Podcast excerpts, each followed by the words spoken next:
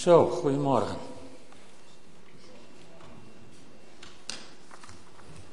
Ik dacht vanmorgen met al dat sneeuwgeveeg en het vrijmaken van mijn auto, ik doe eerst even een lekkere dikke trui aan en dan ga ik lekker aan het werk. En toen was ik lekker aan het werk en toen deed de auto het en toen waren we hier en toen had ik nog steeds mijn lekkere trui aan. En ik had me dit weer geen toestemming van mijn vrouw om terug voor een strik en een jasje. Dus we doen het vandaag zo. Ik wil graag met jullie lezen uit 1 Petrus hoofdstuk 2. 1 Petrus hoofdstuk 2. En natuurlijk die tekst uit Filippenzen 2, vers 5, alleen deze keer. Laat onder u de gezindheid heersen die Christus Jezus had. Zo wil ik het vandaag met jullie hebben over de gehoorzaamheid van Jezus' volgelingen. De gehoorzaamheid, de gezindheid die Christus Jezus had. En we lezen 1 Petrus hoofdstuk 2. Ontdoe u dus van alles wat slecht is, van alle bedrog en huichelarij, alle afgunst en kwaadsprekerij, en verlang als pasgeboren zuigelingen naar de zuivere melk van het woord, opdat u daardoor groeit en uw redding bereikt. U hebt toch ondervonden hoe goed de Heer is? Voeg u bij Hem, bij de levende steen, die door de mensen werd afgekeurd, maar door God werd uitgekozen om Zijn kostbaarheid. En laat u ook zelf als levende stenen gebruiken voor de bouw van een geestelijke tempel. Vorm een heilig priesterschap om geestelijke offers te brengen die God dankzij Jezus Christus welgevallig zijn. In de schrift staat immers in Sion leg ik een hoeksteen die ik heb uitgekozen om zijn kostbaarheid. Wie daarop vertrouwt, komt niet bedrogen uit. Kostbaar is hij voor u die erop vertrouwen. Voor wie er niet op vertrouwen geldt echter, de steen die de bouwers afkeurden, is de hoeksteen geworden. En het is een steen waarover men struikelt, een rotsblok waaraan men zich stoot. Zij struikelen omdat ze Gods woord niet gehoorzamen Daartoe zijn ze bestemd. Maar u bent een uitverkoren geslacht, een koninkrijk van priesters, een heilige natie, een volk van dat God zich verworven heeft om de grote daden te verkondigen van Hem die u uit de duisternis heeft geroepen naar zijn wonderbaarlijke licht. Eens was u geen volk, nu bent u Gods volk. Eens viel Gods ontferming u niet ten deel, nu wordt u zijn ontferming geschonken. Geliefde broeders en zusters, u bent als vreemdelingen die ver van huis zijn. Ik vraag u dringend niet toe te geven aan zelfzuchtige verlangens die uw ziel in gevaar brengen.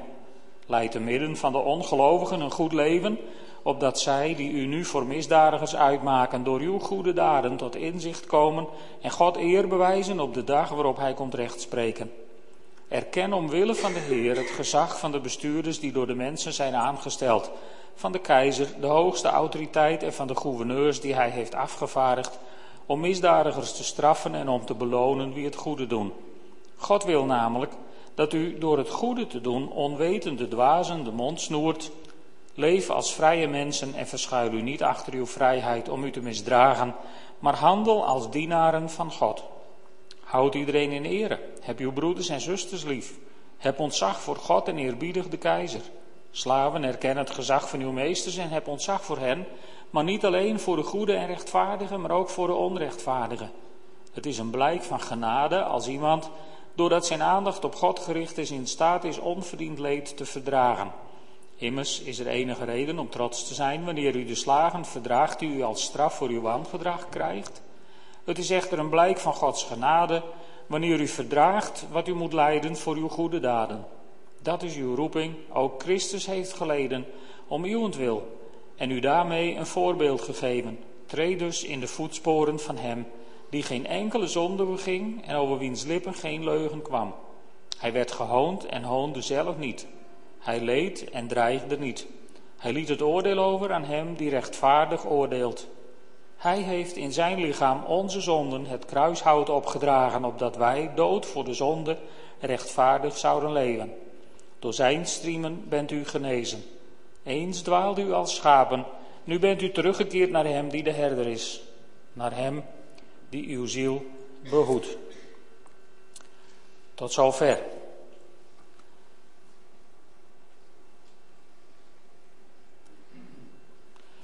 En ik wil uh, vandaag deze tekst, een aantal versen wil ik even met jullie naar kijken. Het begint heel mooi met ontdoe u dus van alles wat slecht is. Nou is dus voor sommige mensen een stopwoordje wat ze te pas en te onpas gebruiken. Maar Petrus heeft er hier een bedoeling mee gehad. Ontdoe u dus. En daarmee verwijst hij eigenlijk terug naar het vorige hoofdstuk, naar vers 21 en 23 van hoofdstuk 1. Daar zegt hij, nu u gehoorzaam bent aan de waarheid, is uw hart gelouterd en kunt u oprecht van uw broeders en zusters houden. Heb elkaar dan ook onvoorwaardelijk lief met een zuiver hart als mensen die opnieuw zijn geboren. Niet uit vergankelijk, maar uit onvergankelijk zaad, door Gods levende en altijd blijvende woord. Dus daar slaat het op. Dat dus. En dan zegt Paulus hier in, in onze Bijbel staat: ontdoe u dus van alles wat slecht is. Maar als je in, in, de, in de, de grondtekst kijkt, in het Grieks, staat daar hebbende afgelegd. Dat is misschien een beetje oudbollig Nederlands, daarom staat het er zo ook niet. Maar, maar de vorm die, Paulus, die Petrus hier kiest, die zegt van jullie hebben dus afgelegd al die dingen. Met andere woorden, dat is geen proces waar je aan begint. Dat is een proces wat je achter de rug hebt. Als je gelovig bent geworden op het moment dat je wedergeboren wordt, omdat je Jezus Christus aanneemt als jouw Heer en Heiland, dan begin je niet aan dit proces, dan ben je klaar met dit proces. Dus de conclusie is, als je gelooft en gehoorzaam bent, onvoorwaardelijk lief hebt en opnieuw geboren bent, zoals je daar in hoofdstuk 1 hebt gezien, dan heb je afgelegd wat hier staat, die verkeerde dingen, die heb je afgelegd. Sommige mensen zeggen, ja, daar heb ik een hele worsteling mee. Nee, je hebt het afgelegd, zegt Petrus. En als je er dus last van hebt, dan heb je vergeten om het af te leggen, kennelijk. Want anders kan dat niet. Je moet daar gewoon mee afrekenen, want dit is de startsituatie van een pas wedergeboren christen. Oh ja, is dit een startsituatie voor een pas wedergeboren christen? Ja, want in vers 2 staat: verlang als pasgeboren zuigelingen naar de zuivere melk van het woord. Ja, maar wij zijn toe aan vlees. Ja, misschien wel. Alleen Paulus heeft het hier, eh, Petrus die, die heeft het hier niet net als Paulus over de vergelijking tussen de melk voor de beginner en het vlees voor de gevorderde. Nee, Petrus heeft het hier over, zeg maar, de voedzame kwaliteit van het woord van God.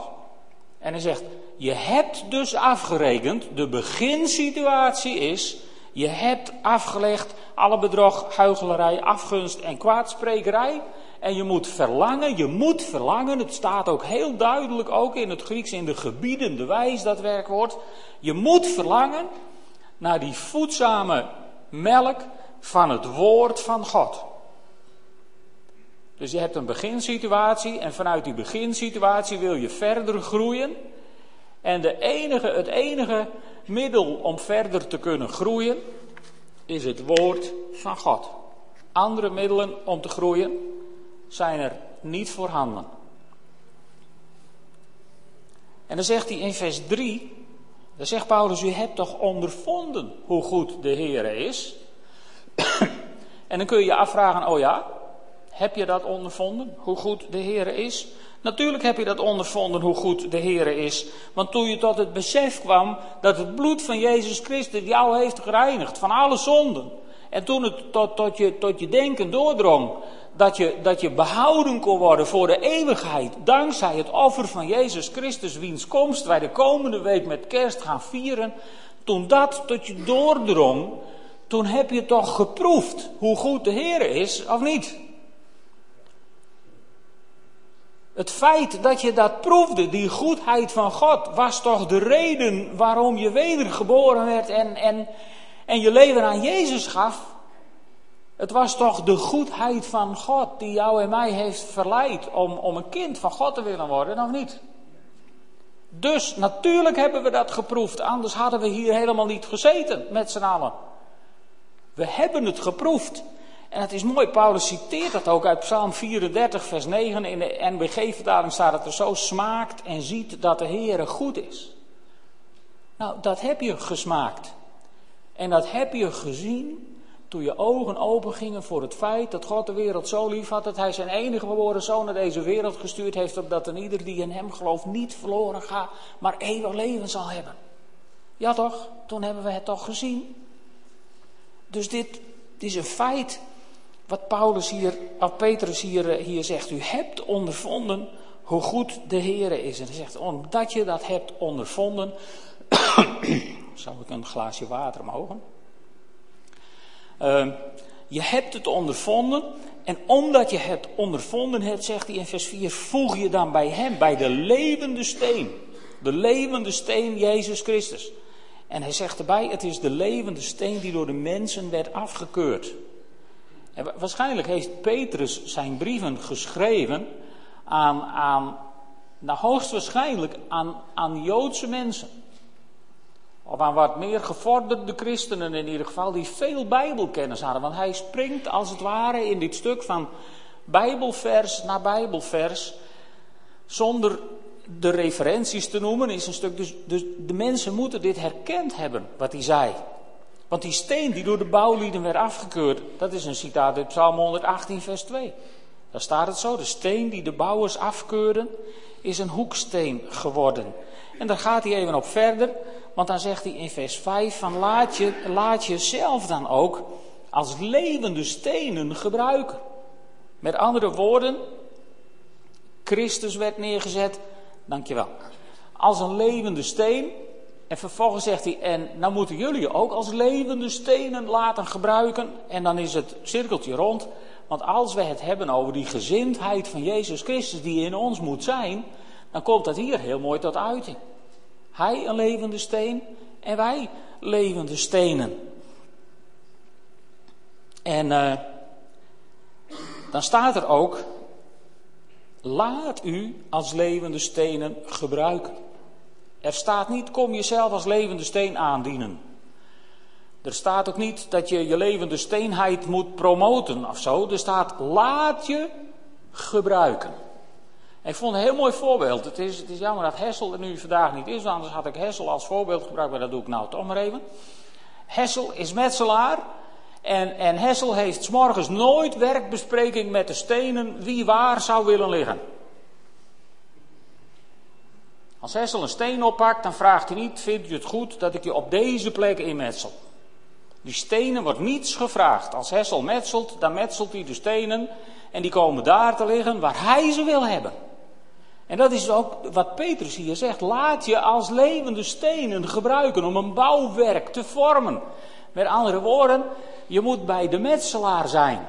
De grote metselaar. Ik promoot geen vrijmetselarij.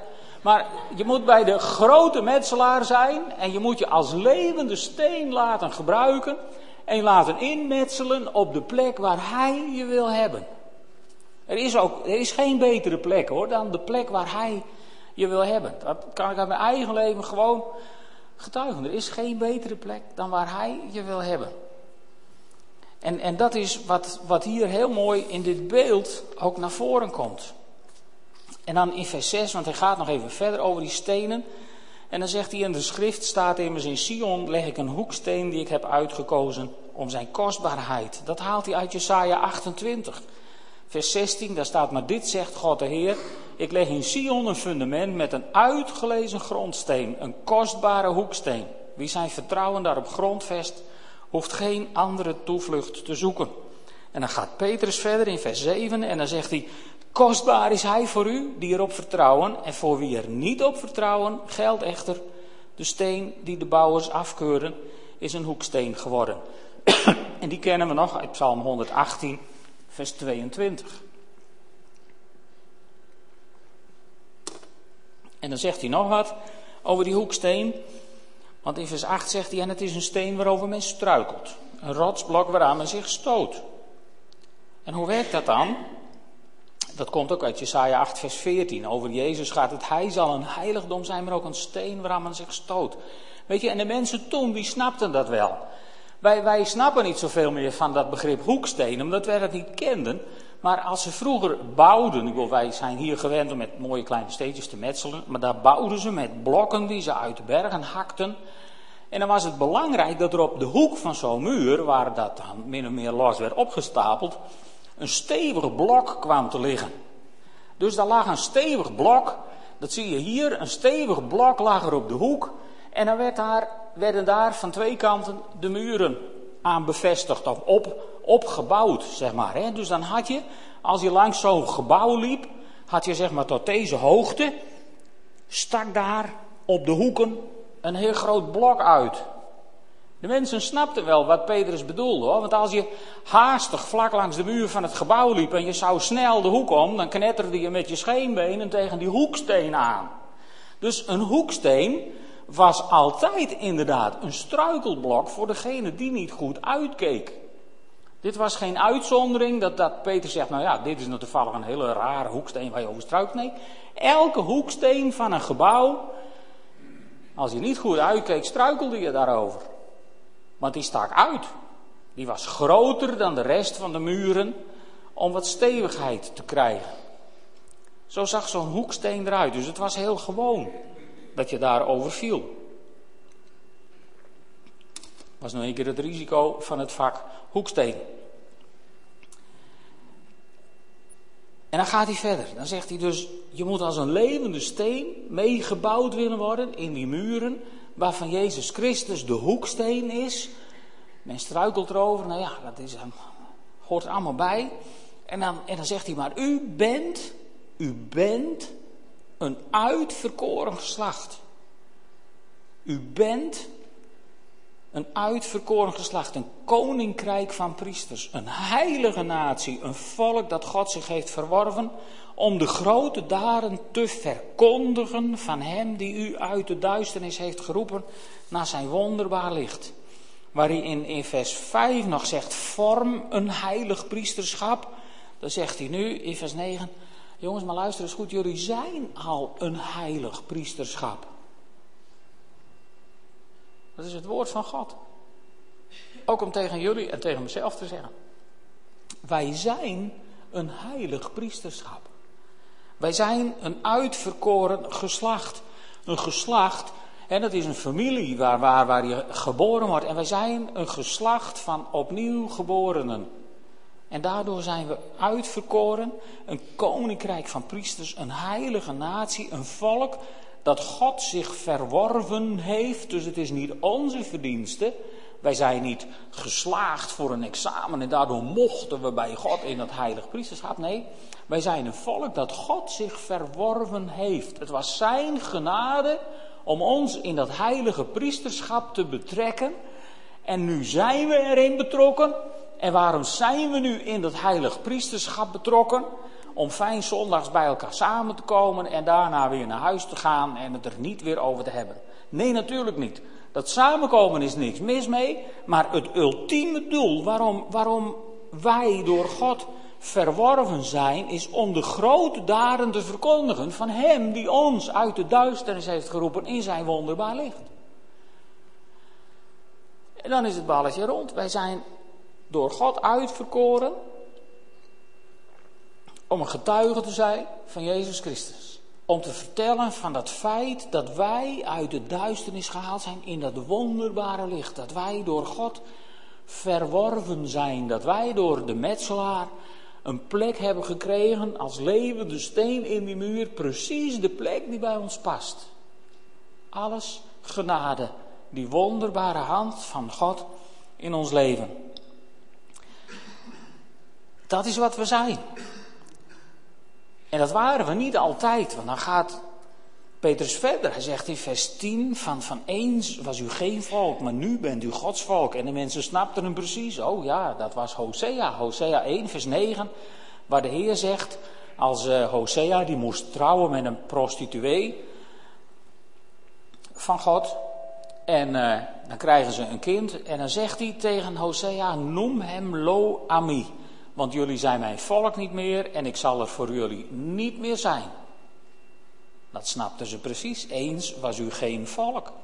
Maar nu bent u Gods volk. Want dan gaan we naar Hosea 2, vers 23. Dus zeg maar in Hosea een hoofdstuk later.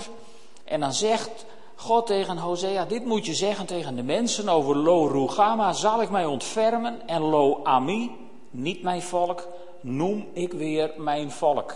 En hij antwoordt mij, mijn God. Dit is onze situatie die hier wordt beschreven. Want wij zijn in zonde ontvangen en geboren. Wij waren niet Gods volk. En op een dag hebben we die wonderbare ontmoeting met de Heilige Geest gehad. Of, of hoe dan ook. Je hebt ervaren, je hebt geproefd, je hebt gesmaakt hoe goed de Heer is. En, en je bent tot bekering, tot geloof gekomen. En je hebt, je, hebt, je hebt ja gezegd tegen Jezus. En vanaf dat moment zegt God weer: Ik noem je weer mijn volk. En onze reactie is dat wij zeggen: U bent mijn God. Hij is niet een God ergens in het blauwe hinein. Hij is ook niet één van de vele wegen die naar volmaaktheid leidt. Hij is ook niet whatever, bedenk het maar. Nee, hij is mijn God. De enige, mijn God is hij. De Vader. De Vader van onze Heer Jezus Christus is mijn God. Dat mogen we zeggen. Dat is een groot voorrecht. Dat je mag zeggen, Heer, u bent mijn God. Dat zegt iets over, over de vertrouwensband die je met God mag hebben. Heer, u bent mijn God. En uh, Paulus vat dat later heel mooi samen in Romeinen 9. Romeinen 9, vers 24 en tot 26. Daar staat: Hen heeft hij ook geroepen, ons, die niet alleen uit het Joodse volk afkomstig zijn, maar uit alle volken. Zoals ook bij Hosea staat geschreven: Wat niet mijn volk was, zal ik mijn volk noemen. Wie mijn geliefde niet was, zal ik mijn geliefde noemen.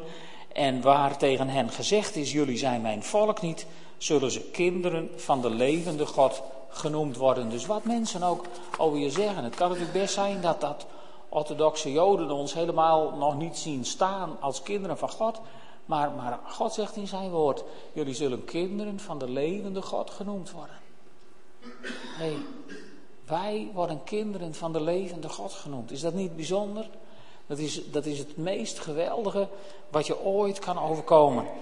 En, en ondertussen zijn we daardoor dus, dus zeg maar nakomelingen van Abraham geworden. Hier wordt gezegd door Petrus, u bent als vreemdelingen die ver van huis zijn. En de mensen hebben dat gesnapt. Want als ze het hadden over vreemdelingschap, dan dachten ze aan Abraham. Abraham die door God geroepen werd en zijn huis verliet om naar een land te gaan wat de Heer zijn God hem tonen zou. En, en in, in Genesis 23, vers 4, daar, daar zegt Abraham tegen de mensen, ik woon maar als vreemdeling bij je. Ik ben hier maar te gast. En op het gemeenteweekend hebben we het gehad over, over Hebreeën 11, waar, waar, waar geschreven wordt door zo te spreken, lieten ze blijken op doorreis te zijn naar een vaderland. Weten we dat nog? We zijn op doorreis naar een vaderland. Naar een vaderland in de hemel. We zijn op doorreis. We zijn hier maar tijdelijk. En uh, dat is niet het vaderland waar we vandaan gekomen zijn, maar de plek bij Jezus in de hemel. We zijn op doorreis naar een, een betere toekomst. En dan, dan staat er in vers 12 iets heel moois. Want dat, bij dat koninklijk priesterschap werd ons al meegegeven dat we, dat we geroepen waren door God, verworven, om de grote daden Gods te verkondigen. En nu zegt, hij, zegt Petrus tegen de mensen, leid te midden van de ongelovigen een goed leven. Opdat zij die nu voor u voor misdadigers uitmaken. En hoe dan? Door uw goede daden tot inzicht komen en God eer bewijzen. Is in wezen, dit is het doel waar het om gaat. De eer van God is in het geding. En we worden opgeroepen om een goed leven te leiden. Als christen wordt dat van je verwacht. Een goed leven leiden. En waarom? Niet om de hemel te verdienen, want die hebben we niet verdiend, die kunnen we ook niet verdienen, die hebben we gekregen. Dat was de genade van onze Heer Jezus Christus. Daarvoor kwam Hij naar deze wereld. Dus niet om iets te verdienen, maar om andere mensen in onze omgeving te laten zien van hé, hey, christelijk zijn is toch zo gek nog niet.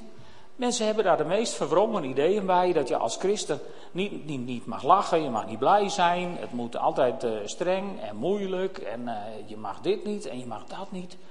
En aan ons is de uitdaging om te laten zien van ja, omdat ik in God geloof, omdat ik een kind ben van Jezus Christus, kan ik vrij in dit leven staan.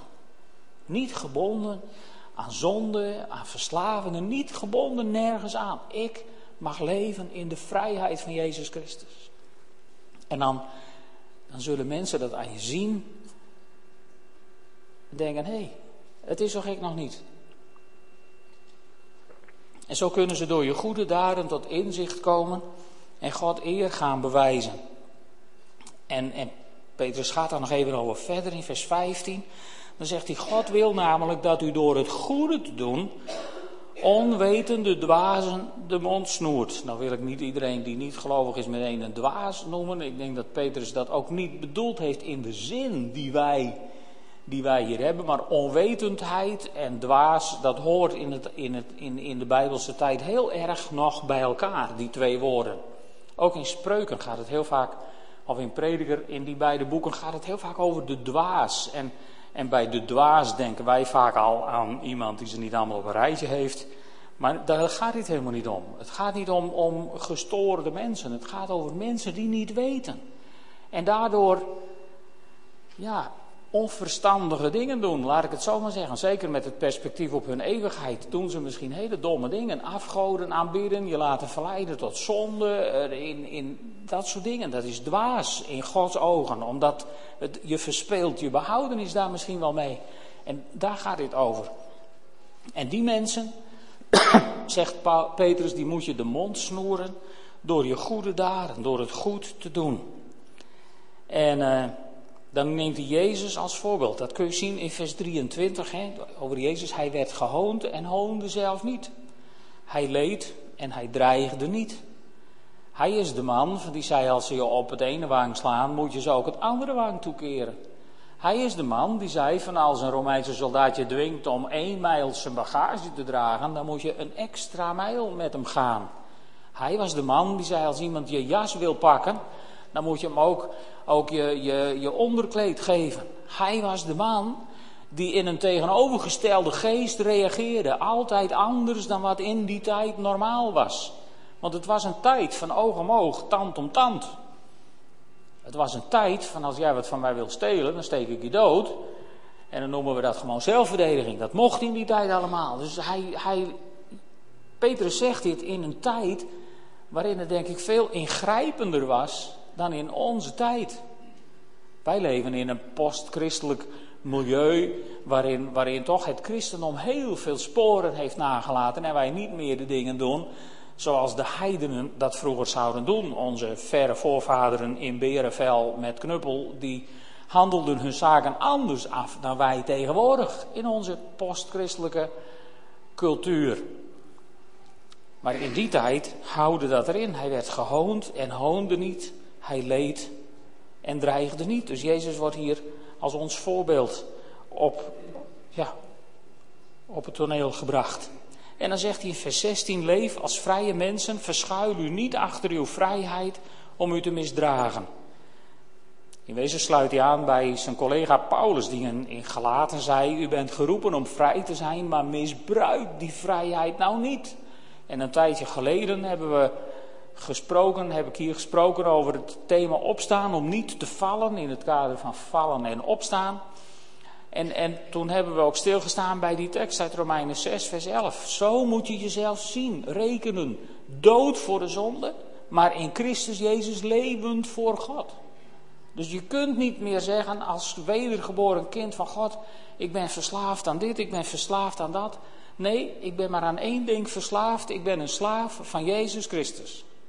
En van niemand anders meer. Dat is de situatie waarin wij als christenen mogen leven. Nou, en dan zegt hij iets over dat gedrag. Houd iedereen in ere. Heb uw broeders en zusters lief. Eigenlijk is dit een beetje een tegenstelling. In het Grieks is dat wat scherper dan zoals het hier staat. Maar Paulus zegt hier van je, je moet gewoon respect hebben. Iedere mens moet je met respect bejegenen. Maar je broeders en je zusters moet je onvoorwaardelijk lief hebben. Dan wordt het woordje agape gebruikt. Dat geldt alleen voor je broeders en zusters. En je moet respect hebben voor de keizer, maar bij God staat het woord, wat we in, in, in andere vertalingen vaak vertalen met de vrezen des Heren. Niet dat je bang voor hem moet zijn, maar dat je een heilig respect moet hebben.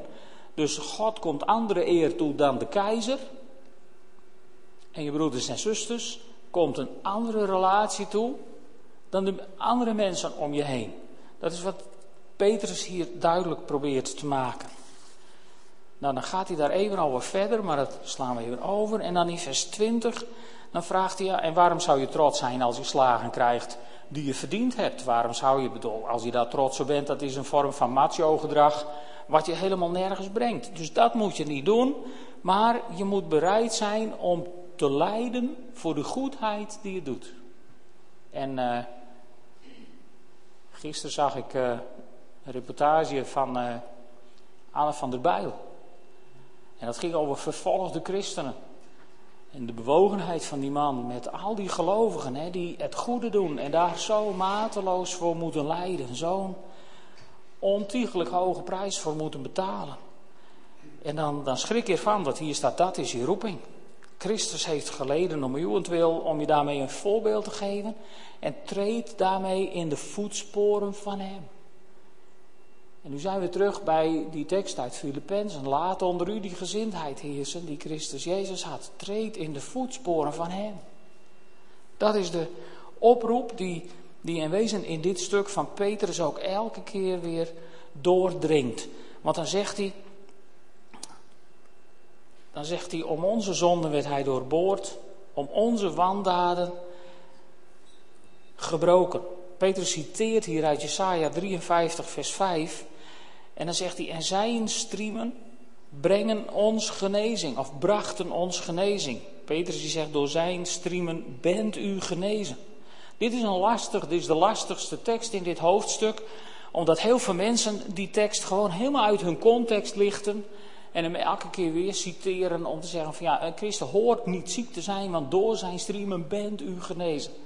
Maar heel even nog, als jullie me de tijd even gunnen, heel even nog hierover van, van ik geloof in lichamelijke genezing. Absoluut, laat ik dat van tevoren zeggen. Ik wil deze tekst niet ontkrachten. Alleen het, het Oosterse mensbeeld waar Petrus dit uit schrijft, dat is zeg maar het, het holistische mensbeeld tegenwoordig. Daar is niks occults aan. Maar, maar Petrus die bedoelt van, van een mens bestaat uit lichaam, ziel en geest. En ziekte is niet alleen lichamelijk. Je kunt iemand in de meest beroerde geestelijke toestand gezond maken, dan voelt hij zich geen haar beter. En je kunt iemand in een akelige fysieke toestand geestelijk helemaal op zijn benen zetten en die voelt zich nou bijna het heertje. Er is een groot, grote invloed tussen die drie dingen. En dat is, dat is wat Petrus hier bedoelt. En dan, en dan, ja, hoe moet je dat dan zien? Door zijn streamen is ons genezing geworden. Nou, dat is één heel mooi voorbeeld van. Als ik heel kort uh, nog even mag. In, in Lucas 17, vers 11 tot 19, daar staat het verhaal van tien melaatsen. Er komen tien melaatse mensen bij Jezus en die zeggen, Heer, maak ons gezond. En dan zegt Jezus, laat je maar zien aan de priester. Met andere woorden, laat de dokter maar vaststellen dat je gewezen bent. En dan gaan ze op reis en onderweg genezen ze ineens. En dan komt er één terug. Cynisch wordt daar nog even bij vermeld dat het een Samaritaan was. En die komt terug om God de eer te bewijzen. En dan zegt Jezus tegen die ene: Uw geloof heeft u. Wat heeft het geloven? Niet genezen. Jezus heeft hem genezen. Zijn geloof heeft hem gered. Met andere woorden, er waren daarna tien gezonde melaatsen in Israël en één daarvan was gered. Die andere negen die hadden beter mee laatst kunnen blijven en gered dan wat ze nu waren. Dus ze waren er eigenlijk geen draad mee opgeschoten in Gods perspectief. En, en even verder in Lucas 9, vers 25, daar, daar zegt Jezus, wat heeft de mens eraan als hij de hele wereld wint, maar zichzelf verliest of schade toebrengt? En dat is in, in die context moet je dit ene zinnetje door zijn streamen is ons genezing geworden, moet, moet je dat lezen. Want wat is de ultieme genezing? Tot slot, in vers 25, daar zegt Petrus dit. Eens dwaalde u als schapen. Nu bent u teruggekeerd naar hem die de herder is, naar Hem die uw ziel behoedt. Als je nou dus de hele context leest van dat ene zinnetje, door zijn streamen bent u genezen, dan gaat het niet eens over ziekte. Paul, Petrus die zegt, hij heeft in zijn lichaam onze zonden het kruishout opgedragen, opdat wij, dood voor de zonde, Romeinen 6, rechtvaardig zouden leven. Door zijn striemen bent u genezen of hersteld, want eens dwaalde je als schapen en nu ben je teruggekeerd naar hem die de herder is, naar hem die uw ziel behoedt. Weet je, dat is de ultieme genezing. Als je terugkeert naar de herder die je ziel behoedt. Als je die herder kwijt bent, dan kun je alle gezondheid van de wereld hebben, maar dan ben je een verloren mens. En als je die herder hebt gevonden, dan ga je je een stuk gezonder voelen. En soms genezen mensen dan zelfs helemaal. En, en absoluut geloof ik in lichamelijke genezing. Begrijp me goed, ik zal elke keer weer voor mensen bidden die daarom vragen. Maar in deze context is het belangrijkste voor volgelingen van Jezus Christus. Als wij Hem willen volgen, als we ons door Hem in gehoorzaamheid willen laten gebruiken als levende stenen, dan heeft Hij met al onze zonden afgerekend. Dan heeft Hij alles weggedaan wat scheiding brengt tussen Hem en ons.